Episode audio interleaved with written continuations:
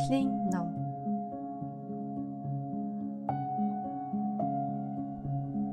Амьдрал гэдэг агуу том сурах бичгээс сурч, судалж яваа бүх хүмүүсийн амьдралыг үзэх үзэл тэр бүр адил байдаггүй.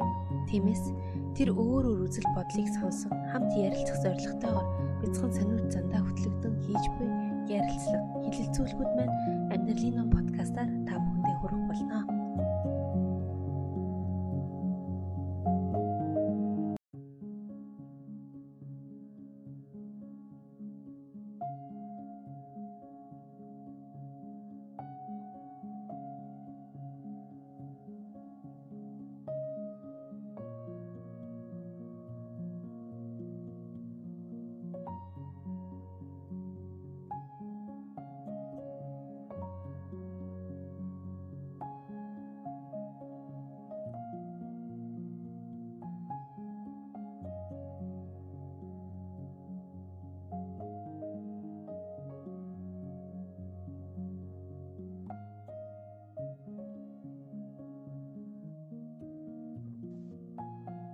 байцгаана уу? Амьдралын ном подкастны дараагийн дугаар ингэ бүрэхэд бэлэн болж байна. Энэ оны 3 дугаар сарын 11-ээс хойш подкаст хийгээгүй юм байна. Хамгийн сүүлд 11-р дугаар болох хөрөмтлөлт болон санхүүгийн төлөвлөлт гих сэдвэрээ подкаст хийсэн байна.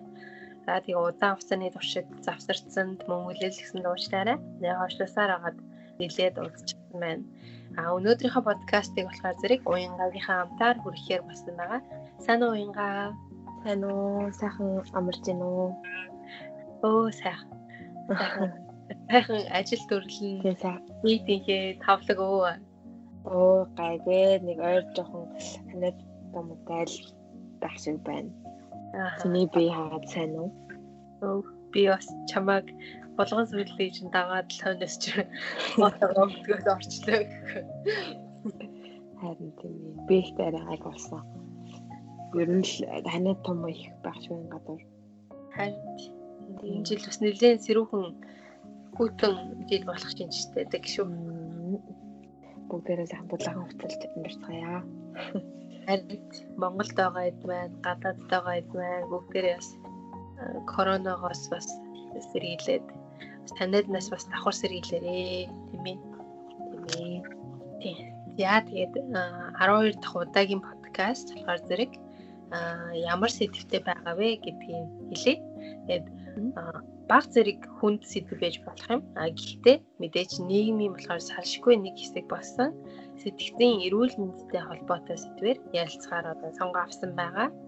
А тэгээд сэтгэлийн эрүүл мэнд, сэтгэлийн эмгэг сэдвүүдийн хүрээнд эрдэм шинжилгээний ажлууд, судалгааны тоо баримт болон одоо бусад холбогдох хууль, мэдээллүүдээр тулгуурлаад сонсогчдод багахан шултгаа мэдээлэл хүрэхээр уянгатайгаа бэлэн болоод байна. За тэгээд а энэ сэдвийнхаа хүрээнд уянгаан маань яг ямар ч ямар талаар мэдээллийг сонсогчдод хүрэхэд бэлдсэн бэ? Тэр талаараа бас хуваалцааш. За ерөнхийдөө болохоор сэтгцэн эрүүл мэндийн салбар гэдэг маань болохоор их хаалттай байдаг. Тэгээ нийгэмд бас их сөрөг буруу байдлаар ойлгогдсон салбар байдаг аа. Тэгэл одоо ихэнх хүмүүс сэтгцэн эрүүл мэнд гэдэг ойлголтыг зүгээр шараад нэмлэг. Тэ эсвэл зүгээр нэг цөөн тохиолддог тийм өвчтэй, солиоролтой хүмүүс байдгаа гэж боддог байгаа. Гэхдээ энэ надад бас жоохон ташуу ойлголт. Гэхдээ миний хувьд болохоор энэ удаад жоохон энийг илүү ингээ өдөөгөөд гэх юм уу тийм энэ сэтгэлийн эрүүл мэндтэй хүмүүс нь бас гимт хэрэг рүү яаж урууж ордын болоо тэгээ бидний нийгэм бас ямар шүү юм болдсон болоо гэдэг талаар мэдсэн байгаа. Бэлдсэн байгаа мэдээллүүдийг. За маш сонирхолтой бас хүмүүсийн төдийлөн бас ухаж ойлгоод ойлгохыг хичээгээд байдгүй тийм сэдв байна.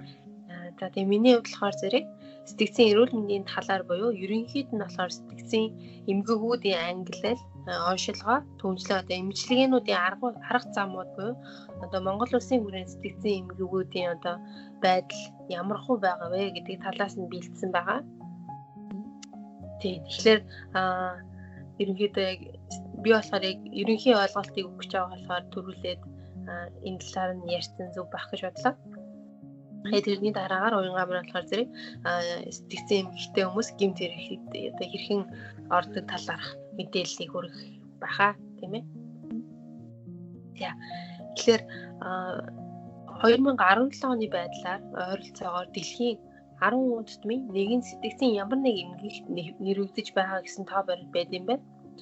За мөн түнчлэн хөдөлмөрийн чадвар алдалтанд хүргэдэг 10 өвчний 5 сэтгцэн эмгэг байна хэмээн судалгаанд бас гарсан байт юм. За мөн Дэлхийн эрүүл мэндийн байгууллагаас судалгаагаар 2010 онд бүртгэгдсэн нийт өвчлөлийн 15%-ийг сэтгэгц зан үйлийн эмгэг эзэлж байна гэсэн маш өндөр үзүүлэлтээр гарсан гэж миний хувьд бодож байгаа. Тэгэхээр сэтгцэн эмгэг өвчлөл гэдэг ойлголтын хүрээнд болохоор зэрэг багш болтгой мэдлэг мэдээллийг хүргэх зорилготойгоор мэдээллүүдэд бэлдсэн байгаа гэдгийг ойлгоорой. Яагаад вэ гэхээр уянгагийн маань түрүүний хэлсэнчлэн сэтгцэн эрүүл мэнд сэтгцэн эмгэг гэдэг ойлголтын хүрээнд хүмүүс одоо маш хүн дээр буюу эмзгээр хүлээж аваад байдаг. За тэгээ мэрэгжлийн эмнэлэг эмчтэр очихоос цааргалдаг буюу ердийн мэдрэлийн гаралтай ядаргаа за эсвэл ганцрах ганцаардах өвчлөл буюу за хэд өөрийгөө нийгмээс тусгаарснаас үүдэн гардаг тохиолдлуудаас ахуулаад хүнд хурцл хурц хэлбэрийн сэтгцийн гэмтлүүдийг нийтэд нь хамруулсан энэ ойлголтыг болохоор зэрэг сэтгцийн эмгэг буюу сэтгцийн эрүүл мэндийн дагааг бас хүмүүс ойлгох нь зүйтэй болов гэж боддог. Бид нар мэдээж ханаад хүрэхээр ядаад үрхийн эмнэлэг дээр очиод чагнуулдаг шиг сэтгцэн өвчлөлтөө мөн адил найз ч зүйлгүйгээр мэрэгжлийн эмчтэр очиод өөр таарсан эмгэлгийг авч байх хэрэгтэй гэдгийг бас энэ подкастаараа дамжуулаад хэлхийг хүсэж байгаа. За ингэснээр та бид одоо нийгмийн одоо харилцаанд ямар нэгэн доголдол гарахгүй. За мөн түүнчлэн одоо хэвийн 50 амьдралыг авчрахад одоо маш чухал нэг юмдээ нэг бол ялцчихгүй сэтгцэн эрүүл мэнд байгаад байгаа юм л та. За тэгээд хамгийн эхлээд болохоор зэрэг ерөнхийдөө сэтгцийн хувьд эрүүл хүн гэж ямар хүнийг хэлэх вэ гэсэн маш энгийн асуултаас эхлэе гэж бодлоо. Уг э, ойлголтын талаар дэлхийн эрүүл мэндийн байгууллагаас бүр ийм ийм хүнийг сэтгцийн хувьд эрүүл хүн гинэ гэж тодорхойлт гаргасан байт юм байна. Уг тодорхойлт нь болохоор зэрэг хүн бүр өөрийн чадварыг ухамсарласан. Тэгээ өөрийгөө хүлээн зөвшөөрч гисэн. За мөн амьдралын ертөнцийн стрессүүдийг даван туулах чадвартай За түнчлэн өр өгөөчтэй өр бүтээлтэй ажиллаж чаддаг тийм хүн мэдээж нийгэм буюу хамт олонны дунд дасан зогсох чадвартай хүнийг сэтгцийн хувьд эрүүл хүн нэ гэд тодорхойлоод гаргасан байдаг юм. Үүнээс үзэхэд бол зэрэг сэтгцийн хувьд эрүүл хүн гэдэг бол зэрэг маш энгийн ойлголт байгаа тийм ээ.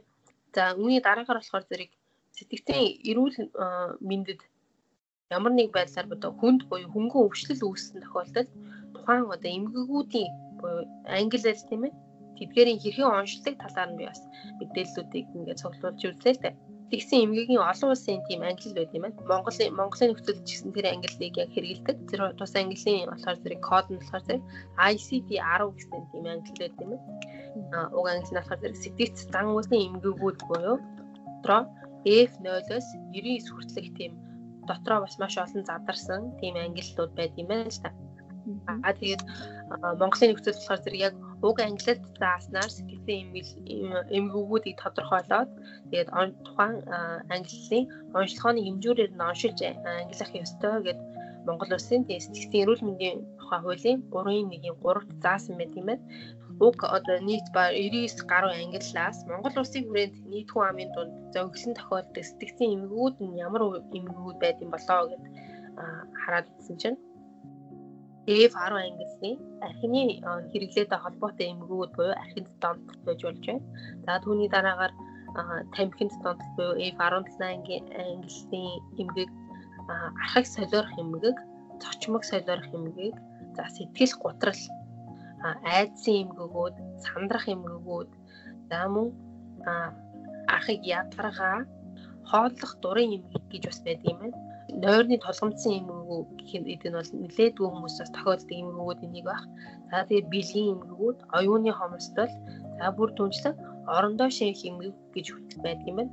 За ингээ маш олон эмгэгүүд байдаг дундаас эдгээр эмгэгүүд нь болохоор зэрэг Монгол улсын хүрээнд нийт хүн амын дунд зөнгөлн тохиолддог эмгэг гэж хийж болох нь байна. Эдгээр эмгэгүүдийн ангиллуудыг одоо хэрхэн оншилдог вэ гэдээ харсан чинь асуумж ярьслах хийх хэлбэрээр уншиж болдог. За эмнэлзэн үзлэг хийх сэтгцэн эмгийг эмнэлзэн одоо шинжүүдийг үнэлэх аргуудаар тухайн одоо өвчтний тухайн одоо үйлчлүүлэгчийн ямар одоо байдалд орсон байгаа вэ гэдгийг тодорхойлж гаргаж яг энэ ангиллуудад угааж гаргадаг юм байна. За өөрөөр хэлбэл тухайн өвчтний сэтгэл зүйн одоогийн байгаа байдал гаргаж байгаа зан авир за харьцааг нь тодорхойлох ярьсан үзлэгийн хүрээнд тогтоодгоо гэж ойлгож болох нь. Уншлагын тулд тохон өөрийнх нь мэдүүлэг ярианаас гадна за бусад ойролцоогны хүмүүсийн харьцаа холбоотой байдаг хүмүүсийн тухай албал одоо эцэг их гэж болж байна, эхнэр нөхөр гэж болж байна. За ах トゥ усын мэдүүлгийн ярилцлагаар бас тухайн хүний талаарх мэдээллийг хөрвүүлээд одоо өвчний байдлыг нь бас тодорхойлох боломжтой гэдэг юм байна. За тэгээд бас ил зүйн тестүүдийн аргуудыг бол хэрэгэлдэг юм байна. Оюун ухааны түвшний тест, анхаарал, ой тогтоол, за тэгээд сэтгэл хөдлөлийн тест, бие хүний зан авирын тест гэж бас байдаг юм байна. За мөн маш олон айдсын одоо тестүүд бас байдаг юм байна. За үүний дараагаар болохоор зэрэг сэтгэл заслын одоо эмчилгээний аргууд нь ямар аргууд байдаг вэ гэдээ харсан чинь мэдээж тухайн үйлчлүүлэгчид эмчлүүлэгчид таарсан одоо тодорхой зорилготой өөрийн гэсэн арга барилтай мэдээж шинжлэх ухааны үндэслэлтэй олон жилийн судалгааны үр дүнд боловсруулсан тухайн тухайн тусгай аргууд байдаг юм байна. За мэдээж гол зорилго нь болохоор зэрэг тухайн өвчтнийг одоогийн байдлыг нь өөрчлөх буюу сэтгэлийн шаналл дарамт зовлонгоос нь гаргаж хэвийн амьдралын хэм маягт нь тийм оруулахад чиглэсэн тийм эмчилгээний аргууд байдаг юм байна. А үүний тулд болохоор зэрэг эмч сэтгэл зүйчээс шалтгааллах бус харин тухайн өвчтөн буюу тухайн эмчлүүлэгчийнх нь өөрийнхөө сэтгэл зүйн хувьд бэлэн байх буюу тухайн одоо эмчилгээг нь болохоор өөрөө сайн дураараа хийхийг хүлээн зөвшөөрсөн байх шаардлагатай буюу энэ одоо тухайн өөрөө хүлээн зөвшөөрсөн байж ич энэ эмчилгээний үр дүн нь болохоор маш сайнаар гарч ирдэг юм байна л да. Аа мэдээж эмийн болон эмийн бус аргууд сэтгэл зүйн эмчилгээ хийх гэсэн аргуудыг хэрэглээд тухайн өвчтнийг тухайн үйлчлүүлэгчийг сэтгэл зүйн хувьд хэвийн байдалд нь оруулах боломжтой байдаг юм байна. Аа тэгээд үүний дараагаар болохоор зэрэг Монгол улсын хүрээнд түгээмэл тохиолддог тэр сэтгэл зүйн эмгэгүүдийн талаар хөшөө дэлгэрэнгүй мэдээллийг буюу дэлгэрэнгүй статик мэдээллийг харах гэдэг статистикийн эрүүл мэндийн үндэсний төвийн статистик үзүүлэлтүүдэд тулгуурлаад мэдээллийг бас бэлтгэлээ л дээ. Тэгсэн чинь Монгол улсын хувьд болохоор зэрэг сэтгэл зан үеийн эмнэлгээр хэвтэн эмчлүүлсэн тохиолдол 2016 онд нийт 6248 хүн байсан гинэ. Үүнээс болохоор зэрэг эрэгтэй нь 3129, эмэгтэй хүн нь 3119 буюу хоорондын зөрүү багтай байсан байна. 2016 онд А тэгтээ насны хувьд болохоор насны бүтэцийн хувьд ингээд хараад үзэх юм бол 30-аас 49 насны хүн хүн амд одоо өндөр үзүүлэлттэй байгаа нас уг үзүүлэлтээр харагдчихсэн. За тэгээд дараа дараагийнх нь болохоор зэрэг 2019 оныхыг алаа та. 2019 он болохоор зэрэг нийт хэвтэн имжлүүлсэн тохиолдол болохоор зэрэг 7194 болж буюу 6200-аас 766 тохиолдолд өссөн байна.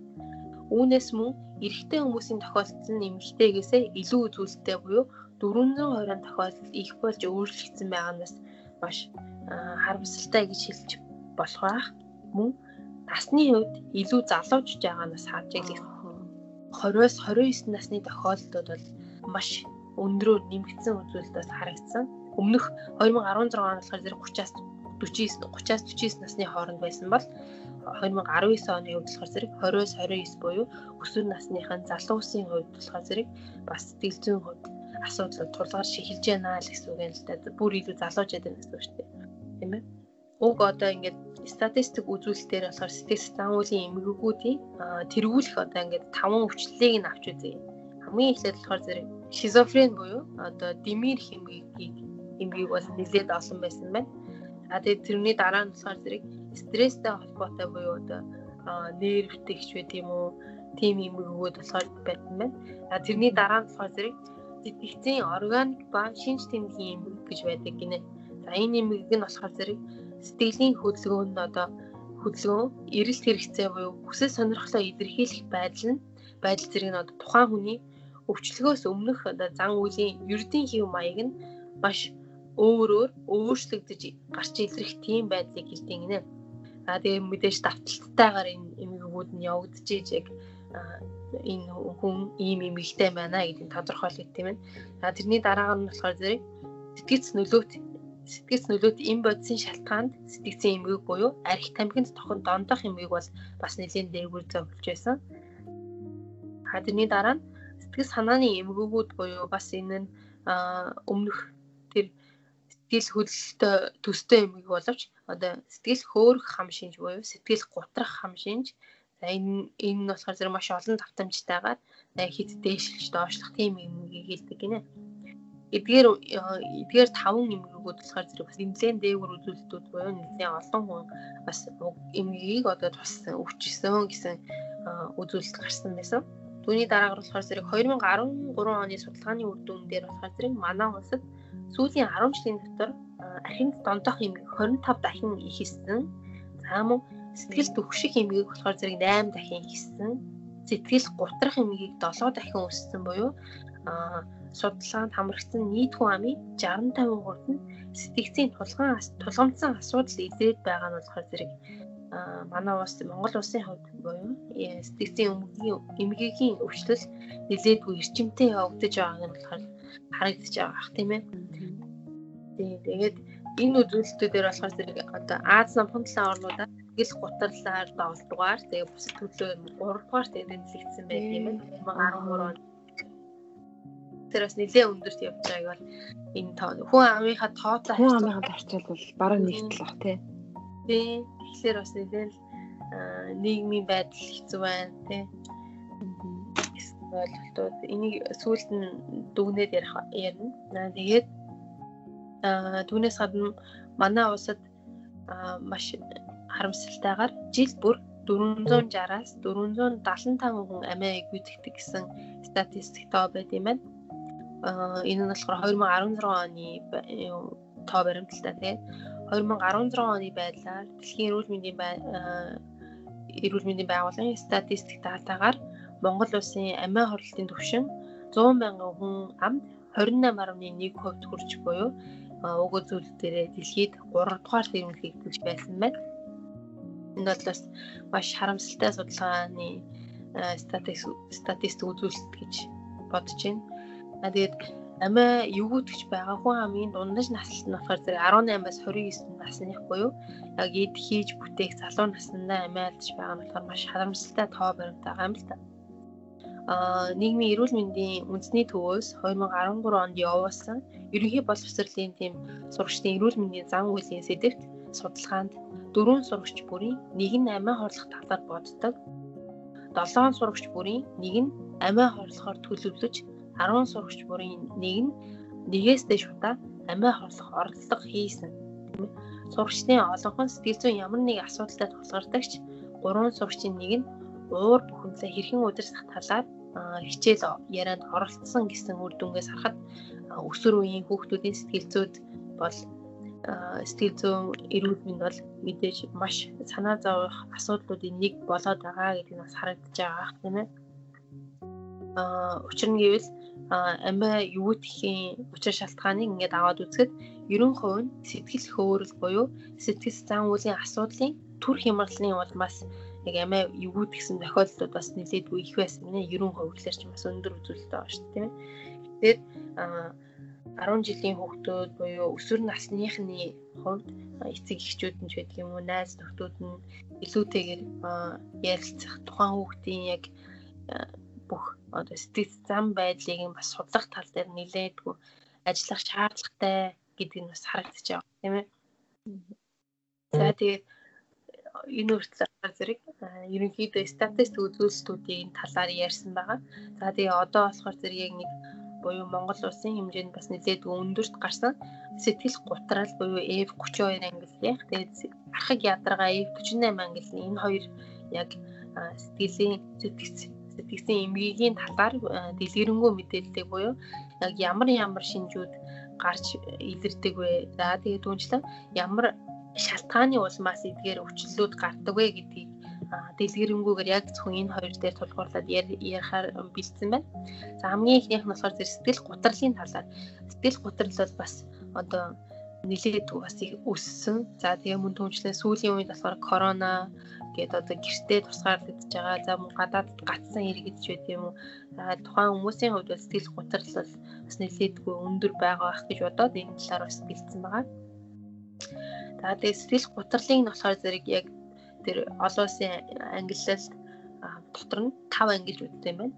Нэгдүгээр сэтгэл готрах хөнгөн тохиол. За тэгээ дунд зэргийн солиорлын шинжгүй гүнзгий сэтгэл гутраал за сэтгэл гутрах бусад тохиол хамгийн сүүлд нь тодорхойгүй сэтгэл гутрах гэсэн нийт 5 төрлөө тийм ээ та. Тэгээд сэтгэл гутралын шинжүүдийг болохоор зэрэг маш олон талаас нь тайлбарлаж үзсэн юм байна. Нэгдүгээр болохоор зэрэг сэтгэл зүйн талаас, хоёрдугаарт зан үйлийн талаас, гуравдугаарт бие махбодын талаас, тэгээ нийгмийн талаас гээд дөрвөн талаас нь авч үзсэн юм байна сэтгэл гутралын шинжүүдийг.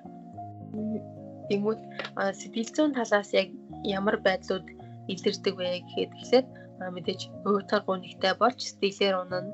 За сэтгэл бухимдаж уур уцаартай болно.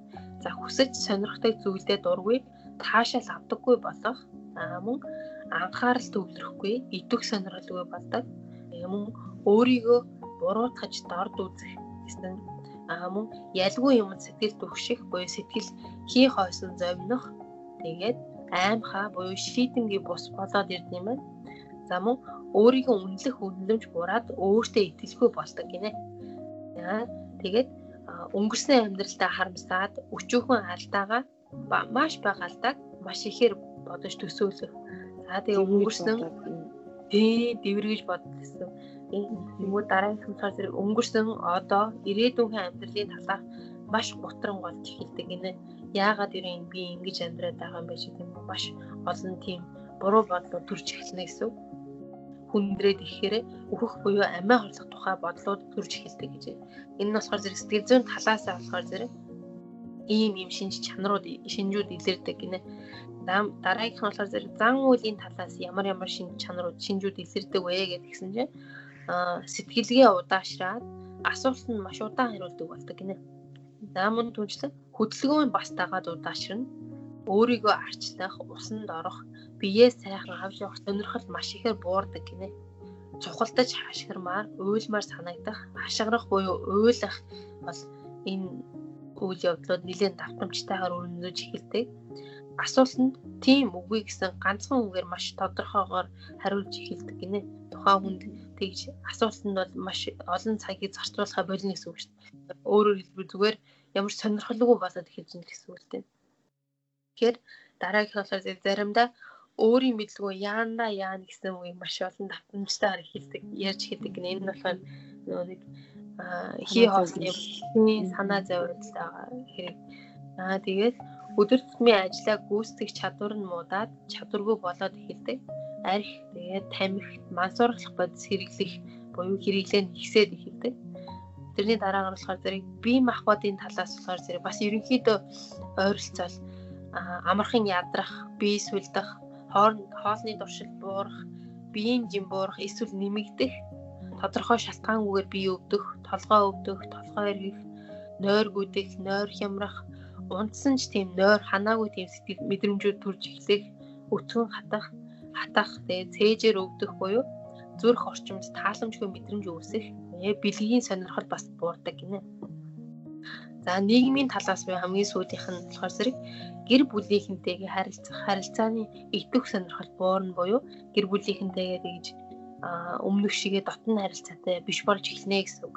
За тэгээд найз нөхөдтэйгээ уулзах, болцох, итвэх сонирхол буурах буюу найз нөхдөсөө хүндэрч эхлэнэ. За мэдээж энэ бүгдийн араас нийгмийн итвэх буурна. За үзвэр үзэх, спортоор хичээллэх сонирхол буураад ерөнхийдөө юу ч хийхгүй болоод эхэлж гэсэн үг шүү дээ. Тэгээд аа хамгийн сүүлд ичиж зовдгоосоо зовж өөрийгөө голж байсан голсноор болохоор зэрэг хүмүүсээс хөндөрөөд тэгээ ганцаардж эхэлдэг гинэ. Тэгээд сэтгэл гутралын шинжүүд болохоор зэрэг ийм нийт дөрвөн талаас нь авч үзээд яг ийм ийм шинжүүдийг хэрвээ агуулж явах юм бол танд тодорхой хэмжээгээр сэтгэл гутралын эмгийг бас илрээд байна гэсэн үг гэж ойлгож болох нь. За үүний дараагаар болохоор зэрэг архаг ядаргаа буюу мэдрэл судал гэсэн эмгийг байгаа. Архаг ядаргаа болохоор зэрэг бас нилээн нилээдгүй бас өндөрт өндөр үзүүлэлттэй гарсан учраас энийг бас хүмүүс хүрхэн зүйтэй авах гэж бодсон. За тэгээд ахыг ядаргааны шалтгаанууд нь болохоор зэрэг стрессийн гаралтай буюу тааламжгүй сэтгэл хөдлөлтүүд дутуу нойрсох буюу нойрны эмгэгүүдээс үүдэлтэйгээр ахыг ядаргаанд орж болно. За мөн буруу аж төрөх ёсны хүчин зүйлс буюу үүнд нь болохоор зэрэг өдрийн турш хангалт хангалтгүй ажиллах буюу хийж буй ажилдаа уйтгарлах өдрийн турш дэндүү их ажиллах эсвэл шөнийн турш дэндүү их ажиллах өдөр бүр архийг уух ч гэдэг юм уу эсвэл биеийн тамирын тасгал одоо тасгал одоо тогтсон дэг журангүйгээр хийх одоо ямар ч тасгал хийхгүй байх гэсэн үг шүү дээ. А тэгээд тогтмол бус хооллох, дэндүү их идэх, эсвэл дэндүү бага идэх. А тэгээд энэ амьдралын буруу хөвчлүүдээс үүдээд бас ахыг ядаргаа буюу ямар нэгэн байдлаар мэдрэлийн гаралтай ядаргаанууд бас бий болж эхэлдэг гэж байна. А үүний дараагаар болохоор зэрэг биеийн болон органик өвчлөлтүүд гинэ. Энэ нь болохоор зэрэг цус багтаалт, цагаан мөгөөсөн хоолойн бактери, цагаан мөгөөсөн хоолойн өрөвсөл, үе мөчний өрөвслүүд, ханиад том амьсгалын одоо дээд замын өрөвслүүд, бамбаа булчирхайн эмгэгүүд, арх болон мансуурлах бодис хэрэглэх, халдвар төвчнүүд, техник гэмтэл буюу бусад органик өвчлөлтүүдээс үүсээд бас энэ ядаргаа гэдэг юу бол бий болж болно гэсэн мэлээ. За тэгээд уг архыг ядаргааны болохоор зэрэг эмнэлт зүүн ерөнхий шинжүүд нь болохоор зэрэг нойр хулжих, эрт сэрэх, зүүд зүүдлэх бас орд юм байна. Өнгөц унтах буюу одоо маш нэг гүн унтахгүй байгаад байна гэсэн үг шүү дээ тийм ээ. Ийм болохоор нойрны холбоотой тийм хямар чинь чадахгүй байна л гэсэн үг л дээ тийм. Тэгэхээр санаанд байнаад. Тийм. Тийм тэгээд мөн ялгүй зүйлд амархан уурлах, цухалдах, уцаарлах, эмзэглэх, дуу шуугаанд бас маш дургу болж эхлэх тий халуун хүүдний бас хэлбэлцлийг хит мэдрээд эхлэхээр бас энэ ядаргааны бас шинжүүдийн нэг нэ гэсэн үг юм байна. Биеэ барих чадвар бас үлддэг гэж байна. Тэгээд өчөөхөн зүйлд сэтгэл төвшээд эрүүл мэндийнхээ төлөө сэтгэл зовноод эхэлдэг гэж байна. Мэдээж бэлгийн дурсал буурна. Эмэгтэйчүүдийн одоо бэлгийн хөрөлт, эрэгтэйчүүдийн бэлгийн судралт бас үүсэх алтай байд юм байна алга хөрөх буюу алга хүйтэн болж эхэлнэ. Биеийн энд тэнд одоо тааламжгүй мэдрэмж үүсэх буюу булчин хүндүрлэх буюу булчин чинрэх, толгой өргөх, толгой өвдөх гэсэн бас шинжүүд илэрх илэрдэг юм байна. За мөн булчингаа судруулах буюу тайвшруулах чадваргүй болж ихэдэг гинэ. Тэнгүүд одоо бүр мэдрэлийн архыг ядаргаанд ороод ирэхээр хамаг одоо биений булчингууд зангираад эхэлдэг гэсэн үг байх нь шүү дээ. Тийм. Тэгээд анхаарах сарних, юм тогтоох чадваргүй болох, мартамхай болох гэсрэг шинж тэмдгүүд архыг ядаргааны үед болохоор зэрэг үүсдэг гинэ. Аа үүний дараагаар болохоор зэрэг яг маш богинохон тийм тестийг бас бэлдсэн байгаа. Энэ нь болохоор зэрэг хамгийн эхлээд та хэрвээ архыг ядаргаанд орсон байна уугүй юу гэдгийг мэдхийн тулд нэг 6 хаан тестийг би бас ингээд асууя. Уянгаа ч гэсэн бас тэрийг бодоод үзээрэй. ЗаИйнх нь бол хэрвээ тим тим тим тим бүгдэн дээр нь тим гэж хариулсан бол та тодорхой хэмжээнд ахыг ядаргаанд орсон байна. Ахыг ядаргаанд орсон байна гэсэн. Тэгэхээр та мэрэгжлийн хэмжээ зөвлөгөө аваарай гэсэн одоо санаатаагаар энэ тестийг хийсэн байна. Эхний асуулт нь болохоор зэрэг та нойрондоо муу байна уу гэсэн асуулт байгаа. Хоёрдугаарт нь таны сэтгэн бодох чадвар буурсан уу? Гуравдугаарт нь Та өдөр тутмын өмгөөл ажиллагаандаа сэтгэл хангалуун байхад бэрхшээл учирч байна уу? Та дараагийнх нь өдөр тутамдаа хийдэг ажил чинь танд төвөгтэй эсвэл хэцүү санагддаг болсон уу? Үүний дараагаар танд бүхэл өдрийн турш ядарсан мэдрэмж төрж байна уу? Хамгийн сүүлийнх нь та амархан ядарч байна уу гэсэн нийт толон асуулт юм. Энэ долоон асуулт нь хэрвээ та бүгд тийм гэж хариулсан бол танд тодорхой хэмжээгээр ядаргаанд орсон байж болзошгүй гэсэн үг юм байна шүү. Уянгагийн үг ямар байсан бэ? Мадаалаа бараг бүгдээрээ л тийм байх юм. Мэргэжлийн дээр 6 юм уу? Нойрондоо л гайгүй байгаад байгаа. Бусдууд нь бол бүгд л тийм байх юм. Гэтэ энэ ер нь бол яг ажил хийдэг хүмүүсийн хувьд бол бараг бүгд тийм гэж хариулах юм шиг санагдах юм. Чиний хувьд халуунагийн үед ямар байсан бэ? Гэтэ яг юу яах вэ? Одоо жишээлбэл одоо ингээд нэг сэтгэл санааны хувьд бас үн гайгүй дажгуус хар гэж байдаг шүү дээ. Сэтгэл санааны хувьд бууралтай сар гэж байгаа. Яг тийм үе дээр яг тэрөө маш бууралтай үе дээр асуух юм бол мэдээж бүх асуултан дээр нь тийм гэж хариулахаар байна. Гэтэ одоо ерөнхийдөө бол тийм байгаа. Тэгээ одоогийн нийгэм бас хит ажил тий бүхэл хүмүүс яг нөгөө нэг ажлынхаа талаас стресс авч байдаг байх гэж бодож байгаа л тоо. Тийм хүмүүсийн хувьд бол бүгдэн дээр нь л тийм гэж хариулахаар л юм байна. Харин гэж байна. Ядрах ядрагаанд орсон байж болзошгүй гэсэн үг шүү дээ. Тэгэхээр бүгдээрээ эрүүл мэндэд бас зөвхөн биеийн эрүүл мэнд шүү дээ.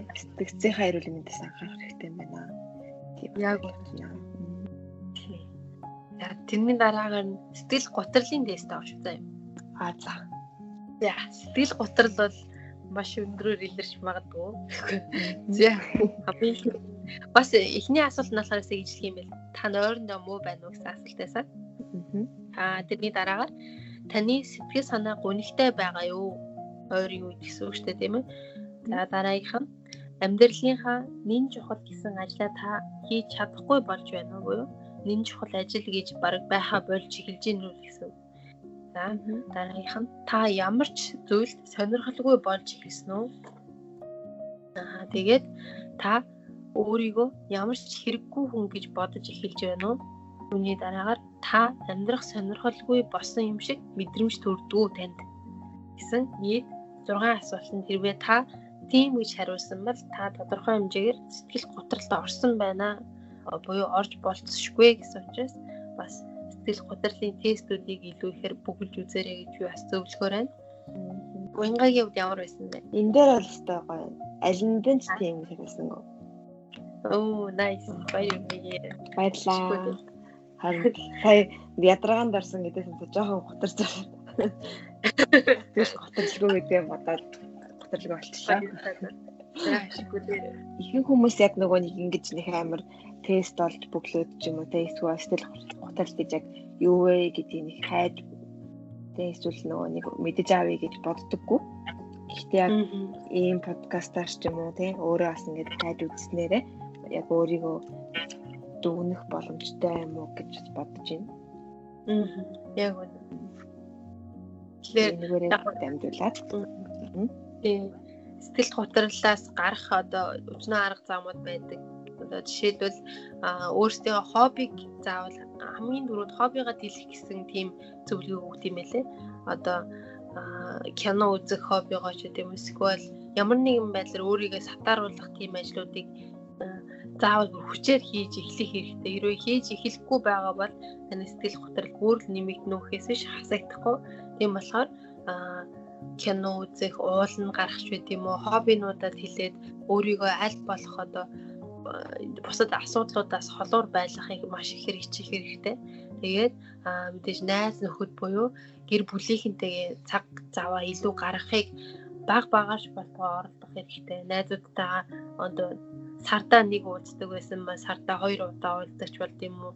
Тодорхой хэмжээгээр иймэрхүү алхмуудыг хийж үж та сэтгэл готрлаас өөрийгөө авч харж гад авч гарч чадна. Тэгэхээс биш таныг бусад хүмүүс авч гарахад бол маш хэцүү гэдгийг бас ойлгох хэрэгтэй байх гэж бодож байна.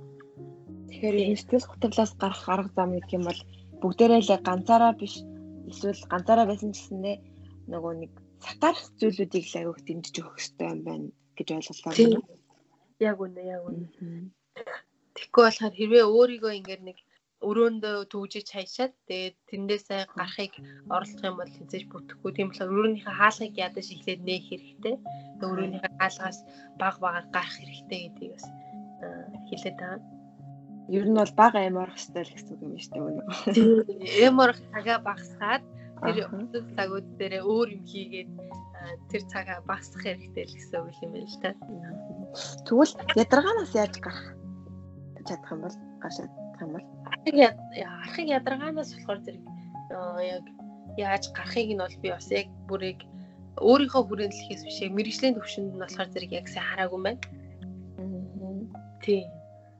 Архыг ядаргааг болохоор зэрэг мэдээж яг энэ зүгээр яг юунуудын шалтгаануудын хувьд харахад болохоор зэрэг юу одоо хооллолтын хувьд болохоор зэрэг зөв хооллолтыг буюу амьдралын зөв хэмнэлийг өөртөө хөвшүүлэх хэрэгтэй болоо гэж хараад байна л та. За жишээлбэл одоо та хэрвээ бүр шүнжэнгөө ажиллаад өдөржингөө эсвэл ажиллаад ингээд ямар ч цагийн хэмнэлгүй ажилладаг хүмүүс байдаг тийм ээ. Тийм бахан бол цагийн хэмнэлийг ядаж та өөртөө унтах цагийг буюу бас ажиллах цаг цаваа ингэж зохицуулах хэрэгтэй гэж та болж байна. За түүний дараагаар тогтмол дасгал хөдөлгөөн бас маш их нөлөөлдөг гэсэн байсан. Тэгэхээр тодорхой хэмжээгээр та өөрийнхөө биеийг хөдөлгөж буюу 7 хоногт ядаж 3-аас 4 удаа ч удаа өөртөө цаг зав гаргаад бас хөдөлгөөнийг бас хийж буюу амьдралын зөв хэмнэлд орох хэрэгтэй гэдгийг хэлээд байгаа юм. Тэгээд мөн хооллолтыг болохоор зэрэг яг одоо нэг дор маш ихээр их их ч юм уу эсвэл маш тогтмол бус хооллолт юм бол одоо тэрийг одоо тогтмолоор хоолдох за тийм үү яг бол эрүүл хоолтонд баг багаар алхмаар ойртох тийм үү за ерөнхийдөө л яг амьдралын зөв хэмнэлийг өөртөө баг багаар ойртуулж ич таамаас ядаргаанаас тийм гарах бас нэг алхам болж болох юм бол гэж харж байна. Тийм. Тийм. А тэгээ энэний дараагаар болохоор зэрэг би Монгол Монгол улсын хүрээнд ямар ямар байгууллагууд яг уг сэтгцийн эмгийг буюу сэтгцийн өвчлөлийн тал дээр ямар ямар үйлчлэгээ үзүүлдэг байгууллагууд нь болохоор хэд байд юм бэ? Тэ?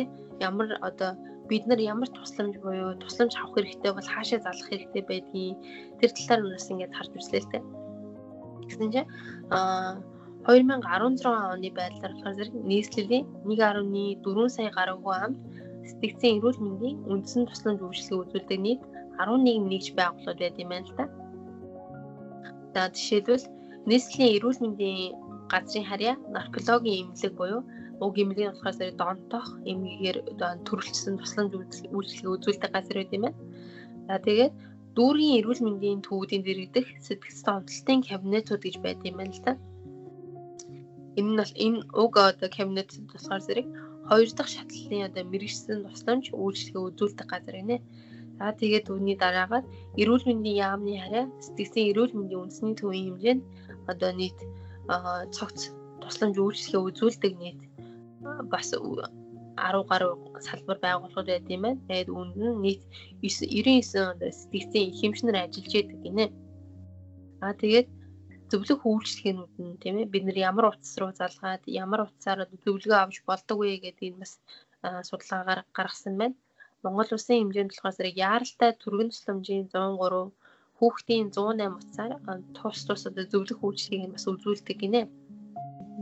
2016 оны байдлаар яаралтай түргэн тусламжид нийт 311865 дуудлага бүртгэгдснээс сэтгцийн өвчлөлийн дуудлага 1009 буюу 0.5%-ийг нэмэгдсэн гинэ.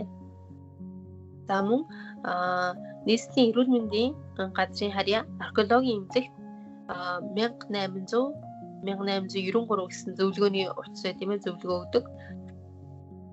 Тэгээд манай улсын хүрээнд сүүлийн жилүүдэд одоо хот хотчлт, ажилгүйд, ядуурл, гэмт хэрэг буюу гэр бүлийн гэр бүлийн орчны үед одоо хүчирхийлэл салалтууд маш их ихсэж байгаатай холбоотой мөн техник технологийн хэрэглээ буюу зэрэг одоо нийгмийн ямар нэгэн хүчин зүйлсийн нөлөөгөөр хүн амын дунд одоо архинд дондох, архыг ядаргаа, стресс, уур бухимдал, айдас, нойр үүдэл зэрэг сэтгцийн тулгымдсан асуудлууд цаашдаа бас нэлээдгүй нэмэгдэх хандлагатай харагдаж байна. Жил болгон нэмэгдэж явж байгаа болохоор зэрэг аа бас яг энэ тал дээр болохоор зэрэг маш анхаарч ажиллах шаардлагатай гэж би бас харж байна. Тэгээ мөн бас уг судалгааны ажлууд дээр болохоор зэрэг нийт эмнэлгийн цар хүрээг нэмэх, мөн зөвлөх үйлчлэгийг нэмэх шаардлагатай буюу урьдчилсан тусламж үйлчлэгээ буюу бас дутмаг байна. Яг тусламж үйлчлэгээ буюу урьдчилсан тийм хяналтуудыг маш их хийх шаардлагатай байна.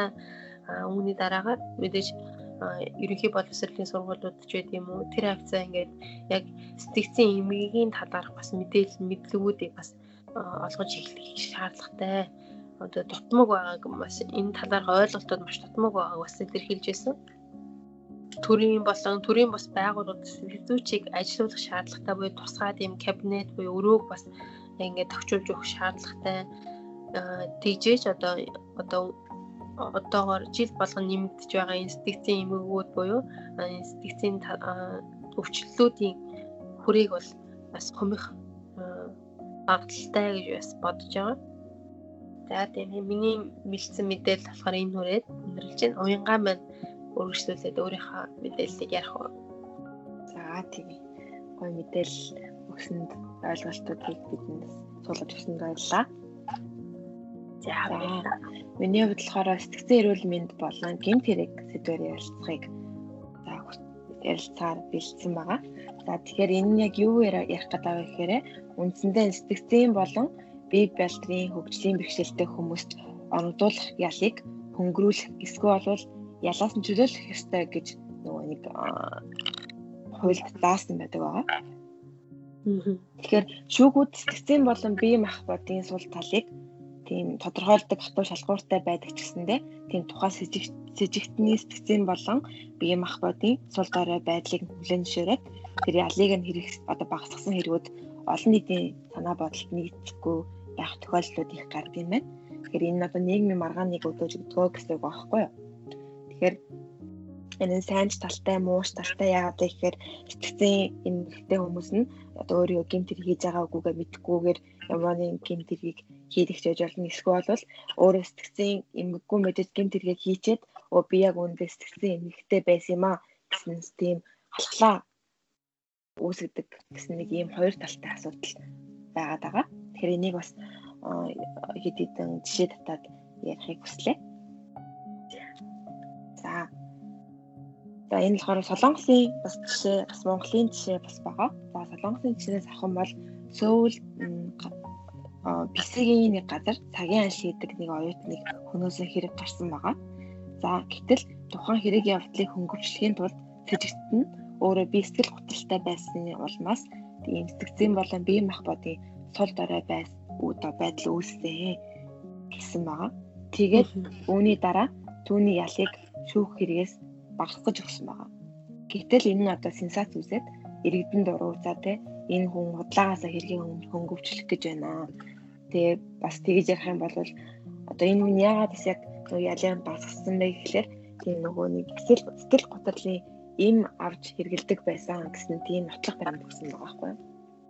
Гэтэл иргэд болохоор та нар тэгж ярих юм бол гимт хэрэг үйлдэл санагдахаараа тэгвэл сэтгэл готрлын им авчаад дараа нь гимт хэрэг үйлдэх юм байж тээ мэтэр дургуутаж хүлээн авсан байгаа. За бас өөр нэгэн сенсац болсон хэрэг бол 2016 онд Каннан буудлын дээр хүн амны хэрэг гарсан гэж байгаа. Тэгэхээр энэ нь болохоор Каннан буудлын 10 дугаар гарцын ойролцох байранд нийтний бие засах газар нэгэн эмэгтэй хүнийг эрхийг нь хүлээж агаад тэр эмэгтэй хүнийг хөнөөс нь тийм хэрэг гарсан байгаа. Тэгээ прокурор болохоор хэрэг гарах үед энэ хүнд бүх насаар нь хорих ял хүссэн боловч шүүх нь тухайн хүнийг оюун санаа, бие махбодын сүл дорой байдлыг хүлээн зөвшөөрөөд бүх насны 20 хайлыг 30 жилийн хорих ял болгож оноож өгсөн байгаа. Яагаад гэхээр гэмт хэрэгтэн дунд сургуулиасаа эхлээд сэтгэлийн төгшөөрийн шинж тэмдэг илэрсэн. Тэгээ үүний дараа одоо шизофрения онцлогдсон. Тиймээс энээсээ болоод хэд хэдэн удаа эмнэлэгт хэвтэж эмчилсэн байсан гэдэг нь нотлогдсон байгаа. Энэ шизофрения гэдэг нь болохоор түрүүн халинагийн сан солиор хөвчин гэж хэлжсэн тийм. тогтоож өгсөн байгаа. Тэгээд энэ дээр хүмүүс яагаад нөгөө нэг дургуутсан бэ гэхлээрэ тухайн хүн маань болохоор тэр эмгтэй хүнийг одоо хүлээсэн гэсэн баг штэ. Тэгэхээр яагаад тэр нь нотлогдсон бэ гэхээр нөгөө нэг CCTV хянах камерын дээр тэр эмгтэй хүн ирэхээс 6 өнгөр нь эрэгтэй хүн ч юм эсвэл арай нэг том биетэй хүмүүс ингээд өнгөрж явахын зүгээр явуулж хагаад хамгийн нэг одоо тарцтай хэмээр нэг туранхай жижигхэн хүнийг яг сонгож авсан гэдэг нь нөгөө нэг харагдчихсан гэж байгаа байхгүй. Тэгээ тийм болохоор тэр хүн хэдий нөгөө нэг сэтгцийн өвчтэй байсан ч гэсэндээ оюуны сул дорой байгаагүй гэж хүмүүс уг нь ингээд бас нөгөө ийм байж болохгүй штэ гэж бас олон нөгөө нэг эсэргүүцсэн байгаа. Гэхдээ угаасаа шүү хурлаас энэ хүнийг бие махбодын сул дорой байдлыг дүгнсэн учраас тэгж 30 жилийн ял болгож багтаж өгсөн байгаа. Тэгэхээр энийг бас нөгөө нэг Монгол тэгвэл яг яад юм бэ гэдэг талаас нь би хайж үзсэн байгаа. За тэгээд Монгол улсын хуулийн эрүүгийн хууль хуулийн 6-гийн 3 дугаар зүйл дээр хэрэг хариуцах чадвар гэсэн тийм хэсэг байгаа аахгүй юу. Тэгэхээр энэ дээр болохоор сэтгцэн эмгэг оюун ухааны хомсдлын улмаас өөрийн үйлдэлийн бодит шинж чанар аюултай байдлыг ухамсарлах эсвэл удирдан жолоодох чадваргүй болсныг хэрэг хариуцах чадваргүй тооцно гэж байгаа. Тэгэхээр ийм гэмт хэрэг үйлдэх үедээ хэрэг хариуцах чадваргүй байсан хүнд ял оногдуулахгүйгээр энэ хууль заасан эмнэлгийн чанартай албатлахын арга хэмжээ хэлнэ гэж зааж өгсөн байгаа. Тэгэхээр энэ дээр харж байгаачлан ялыг оногдуулахгүйгээр зүгээр эмнэлгийн чанартай албатлаханд одоо оруулна гэсэн нэг тийм заалт бас байгаа. Тэгэхээр энэ дээр бас нэгэн жишээ авах юм бол 2013 оны 10 дугаар сарын 13-ны өдөр Төв аймгийн Батцөмөр Батцөмбөр сумд 36 настай иргэн Ж төрсөн охин 3 настай Г-гийн одоо баруун гүрээний судас руу утгаар хатгаж Тэсмийн хүн дээр утгалж толгойг нь тасалж онц харгас хэрцгийг аргаар асан гинт хэрэг холбогдсон хэрэг гарсан байгаа. Тэгээд тухайн үед прокурор шүүгүүд ирүүлсэн одоо саналдаанд Жэд болохоор холбогдох хэргийг эрүүгийн хуулийн дагуу онц харгас хэрцгийн аргаар алсан гэж зөвлөсөн байна. Гэсэн хэдий ч субъектын сэтгцийн хувьд хэрэг хариуцах чадваргүй учраас шүүхэд эмнэлгийн чанартай албатлагын арга хэмжээ авахар прокурорын санал дүгнэлтээр хэргийг шүүхэд шилжүүлж эцэст нь Жен одоо гэмт хэрэг үйлдэхийн өмнө сэтгцийн өвчтэй байсан болох нь нөгөө нэг шүүхийн сэтгц гэмт судлалын магадлага болон дүгнэлтээр тогтоогдсон учраас эрүүгийн хариуцлагаас чөлөөлөд эмнэлгийн чанартай алдлагын арга хэмжээ хэрэглэн зүйтэй гэж шүүх одоо дүгнсэн ийм хэрэг бас гарсан байгаа. За тэгэхээр ийм ч гэсэндээ нөгөө дээгүүр нь сэжигтэн сэтгцэн болон бие махбодын хөгжлийн бэрхшээлтэй гэж одоо бур нөгөө худлаагаасаа мэдгдсэн бас тохиолдлууд их байдаг учраас нөгөө нэг тэрийг бас хэрэгсэхгүй бас тохиолдлууд их байд юм байна.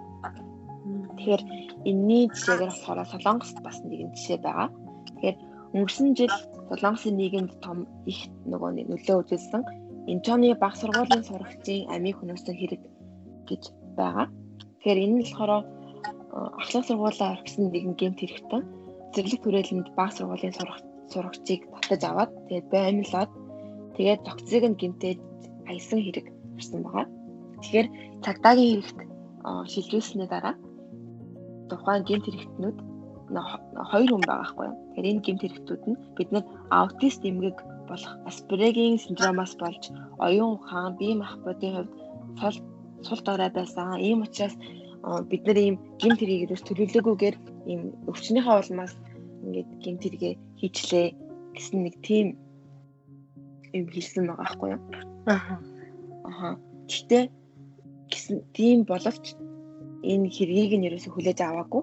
Ерөөсө нөгөө нэг ялыг нь ерөөсө багтаж өгөөгүй. Ягаад вэ гэхээр тухайн хүмүүс гэмт хэргийн үеэр хоорондоо ингээд холбоо тогтоосон. Дээрээс нь бүр тэр одоо өгсөн сурагчийн бие махбодын хэсэгтээ ингээд барьж байгаад ч юм уу. Тэг хажуудаа ингээд байлгаад хамт ингээд хоолсон гэж байгаа байхгүй юу.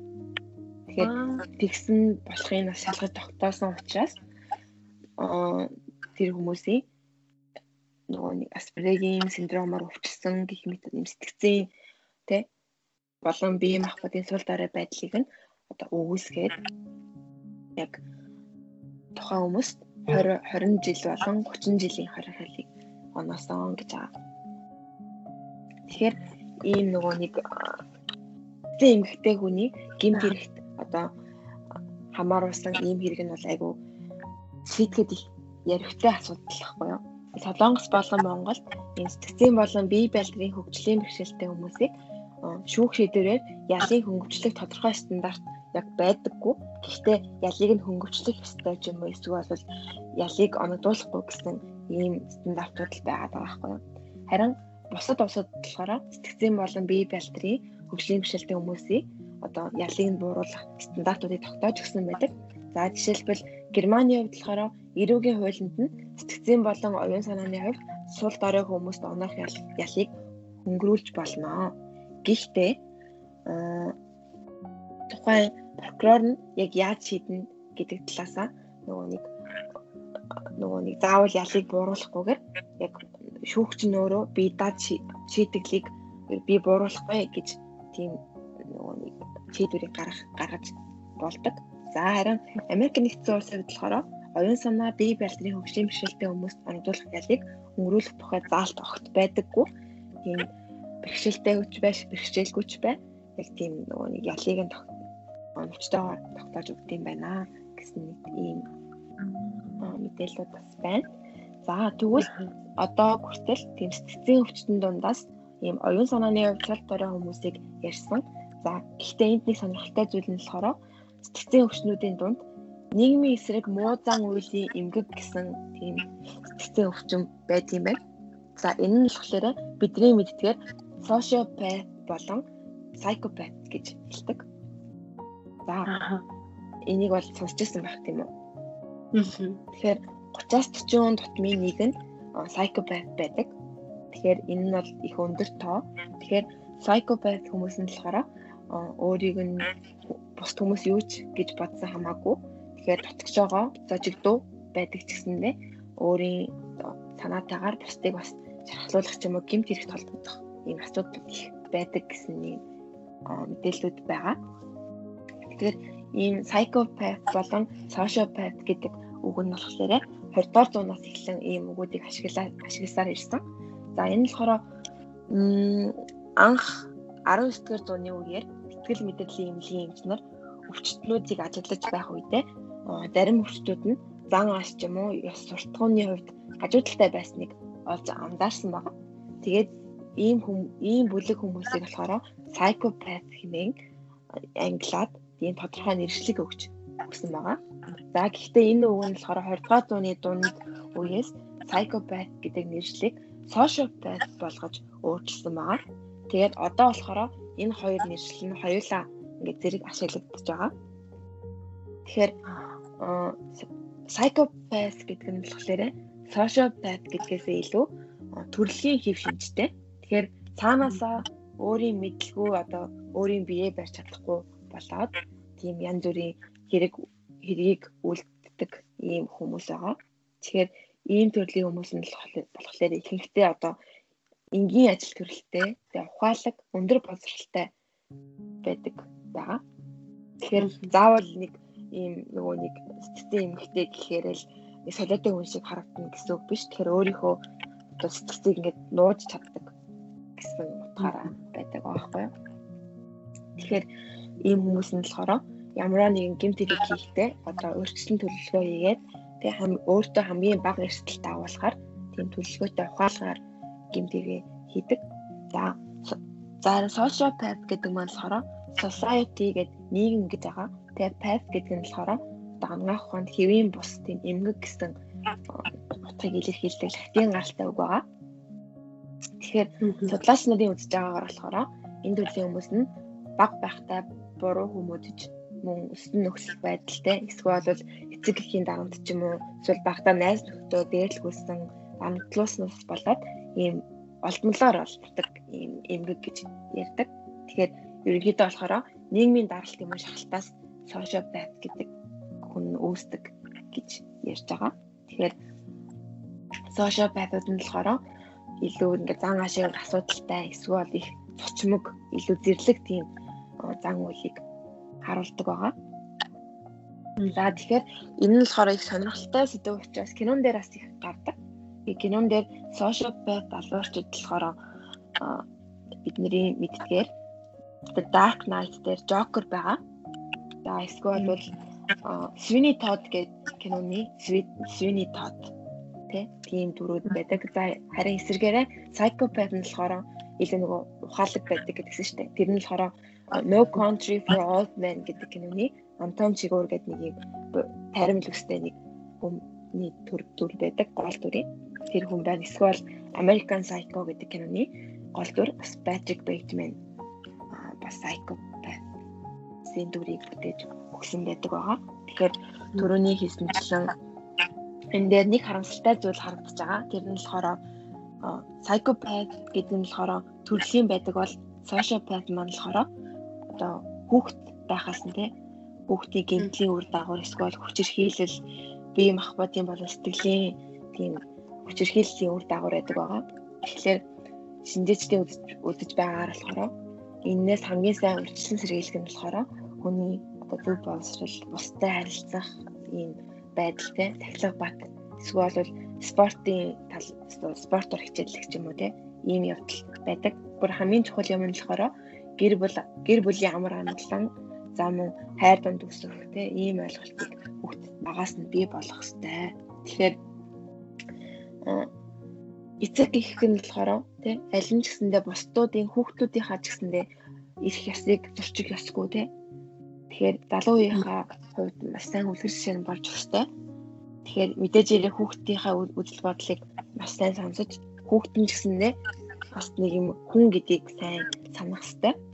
Тэгэхээр одоогийн ковид-19 нөхцөлд болохоор нийгэмд одоо архитект мансуурал тэгээ бас тийм донтох ажилгүйдэл гих асуудлаас талаад хүүхдийг ч юм уу?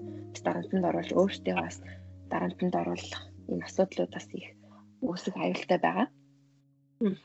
Тэгэхээр тийм болохоор та өөрөө бас сэтгцийн хувьд эрүүл байхын тулд юуны төрөнд өөрийгөө болон гэр бүлээ ингээд ийм илүү эрүүл байлгах хэрэгтэй шүү гэдгийг бас хэлмээр байгаа.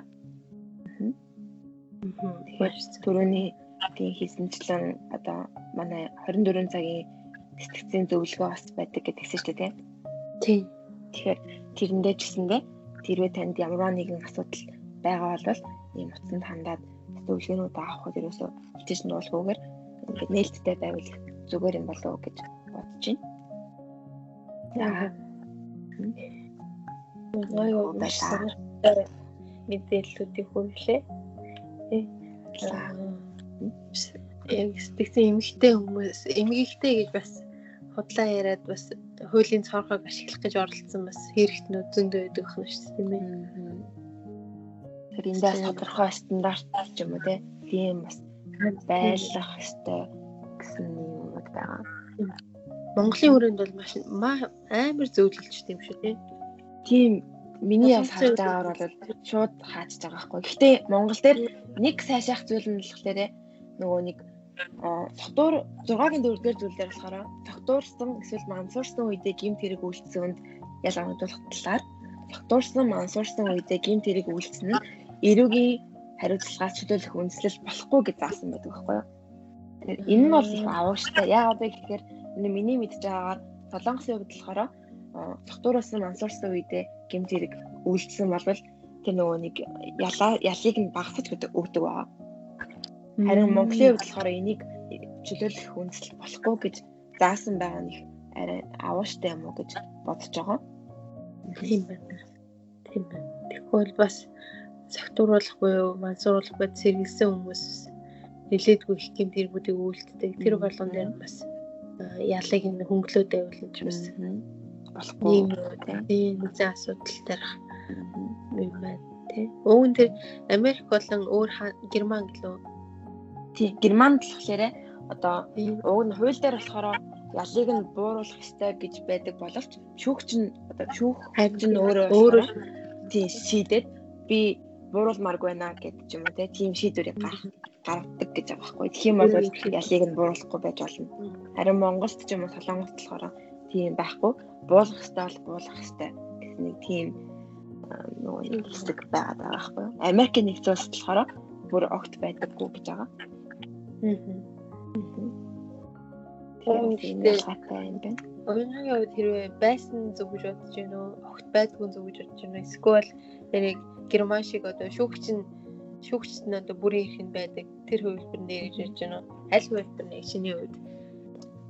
Миний хувьд бол шүүгчт нь байвал зүгээр гэж бодож байна. Тэг яг үнэндээ үнэхээр одоо зүнсэн хүн ч юм уу те бас байж болно шүү дээ. Санаандгүйгээр ингээд одоо зүнсэн тохиол зүнсэн байж байгаа одоо гал тавьчлаа шүү дээ те. Тэгсэн чинь гал тавьсан чинь тэрнээс нь болоод одоо хүмүүс ингээд хүн ам хүн амны хэрэг бас гарч болно. Гэхдээ үнэхээр зөнсөн хүн мэдхгүй байхад тэр хүнд одоо өөхөх ял оноох юм уу тийм асуудал гарч магадгүй. Тэгэхээр бас ямар нэгэн юм чинь ингээ хоёр талтай байдаг учраас аа яг тэр шүүгч нь шүүгчт нь бүрийн их юм байх нь илүү зөв юм уу гэж бодож байна. Аа. Тийм. Яг тухайн хэрэг ямар хэрэг үйлдсэн гэдгээс шалтгаалаад бас яг хэрвээ ийм хэрэг бол одоо ингэж хөнгөлн, тийм хэрэг бол ингэж хөнгөлн ч гэдэг юм тийм. Яг тодорхой заалтуудыг гаргаад өгчвөл бас илүү амар гэж магадгүй тий.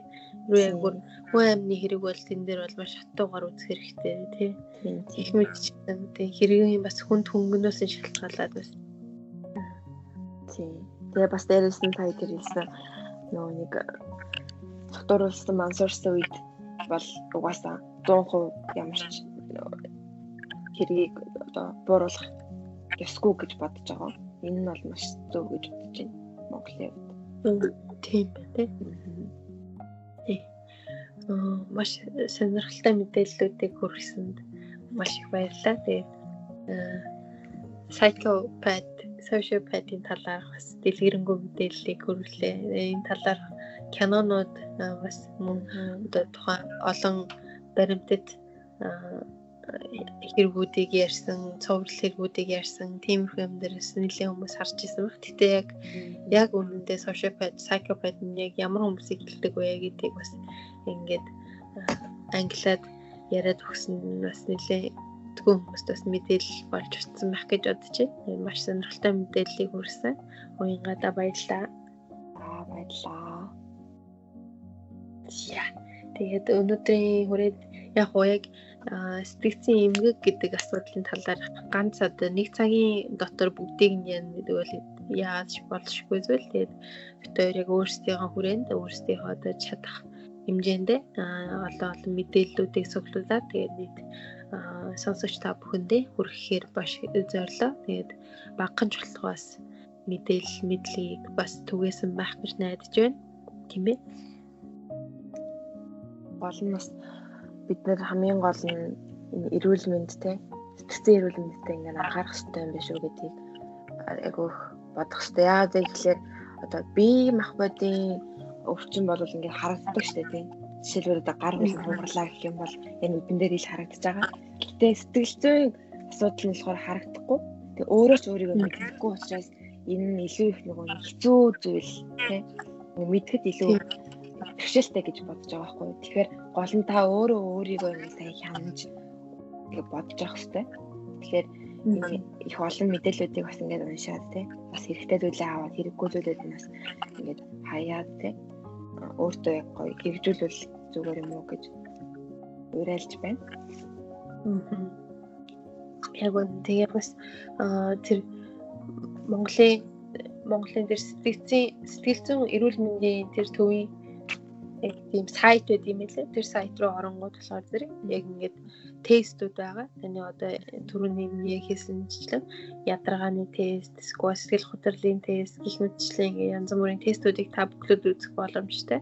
Тэгээд тэндээс ядаж өөрийнхөө яг ямар байдал байгаагаа бас наад зах юм бас тийм ойлголтыг нь авсан дээр ах гэж бодчих. Тэгээд хэрвээ бүр боломжтой гэх юм бол яг өөрийнхөө жоохон өөрийнхөө энэ тал дээр жоохон асуудалтай байгаа юм шиг байна да гэсэн тал дээр мэрэгжлийн хэмжээс зөвлөгөөг бас авахыг бас зөвлөжээ.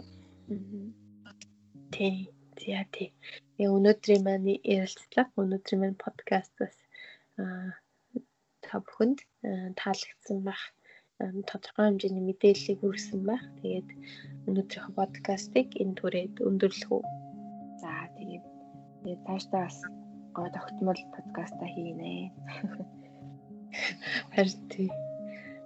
Завсардуулахгүйгээр хийх хичээнэ. Тэгээд дараагийн подкастаар дахин уулзтлаа. Түр баяртай.